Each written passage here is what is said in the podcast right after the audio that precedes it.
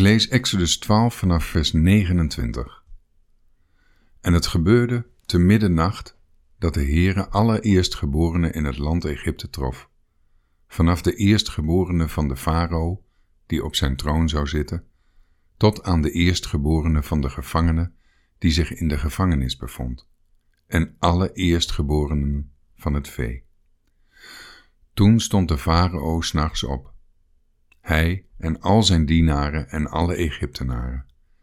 En er was een luid geschreeuw in Egypte, want er was geen huis waarin geen dode was.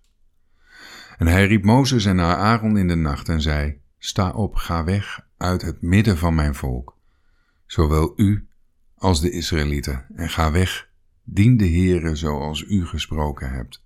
Neem zowel uw klein vee als uw runderen mee, zoals u gesproken hebt, en ga heen, maar zegen ook mij. De Egyptenaren drongen sterk aan bij het volk, om het snel uit het land te laten gaan. Want zij zeiden, wij gaan anders allemaal sterven. Toen pakte het volk zijn deeg op nog voor het gezuurd was. Hun baktroggen waren in hun kleren op hun schouders gebonden. De Israëlieten hadden gedaan overeenkomstig het woord van Mozes en hadden van de Egyptenaren zilveren voorwerpen, gouden voorwerpen en kleren gevraagd. Bovendien had de Heere het volk genade gegeven in de ogen van de Egyptenaren, zodat zij hun het gevraagde gaven. Zo beroofden zij de Egyptenaren. Zo trokken de Israëlieten van Ramesses naar Sukkot, ongeveer zeshonderdduizend man te voet, mannen alleen, vrouwen en kleine kinderen niet meegerekend. Ook trok een grote groep van mensen van allerlei herkomst met hem mee, en kleinvee en runderen, zeer veel vee. Ze bakten ongezuurde broden van het deeg dat zij uit Egypte meegebracht hadden, want het was niet gezuurd, omdat zij uit Egypte waren verdreven en niet hadden kunnen wachten, en ook geen proviand voor zich hadden klaargemaakt. De verblijfsduur van de Israëlieten, de tijd dat zij in Egypte gewoond hadden, was 430 jaar.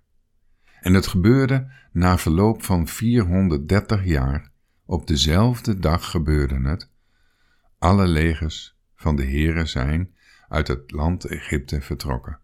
Een nacht van waken was dit voor de Heere, om hen uit het land Egypte te leiden.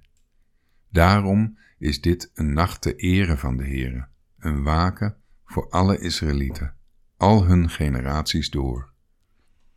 En de Heere zei tegen Mozes en Aaron, dit is de verordening voor het paascha. Geen enkele vreemdeling mag ervan eten.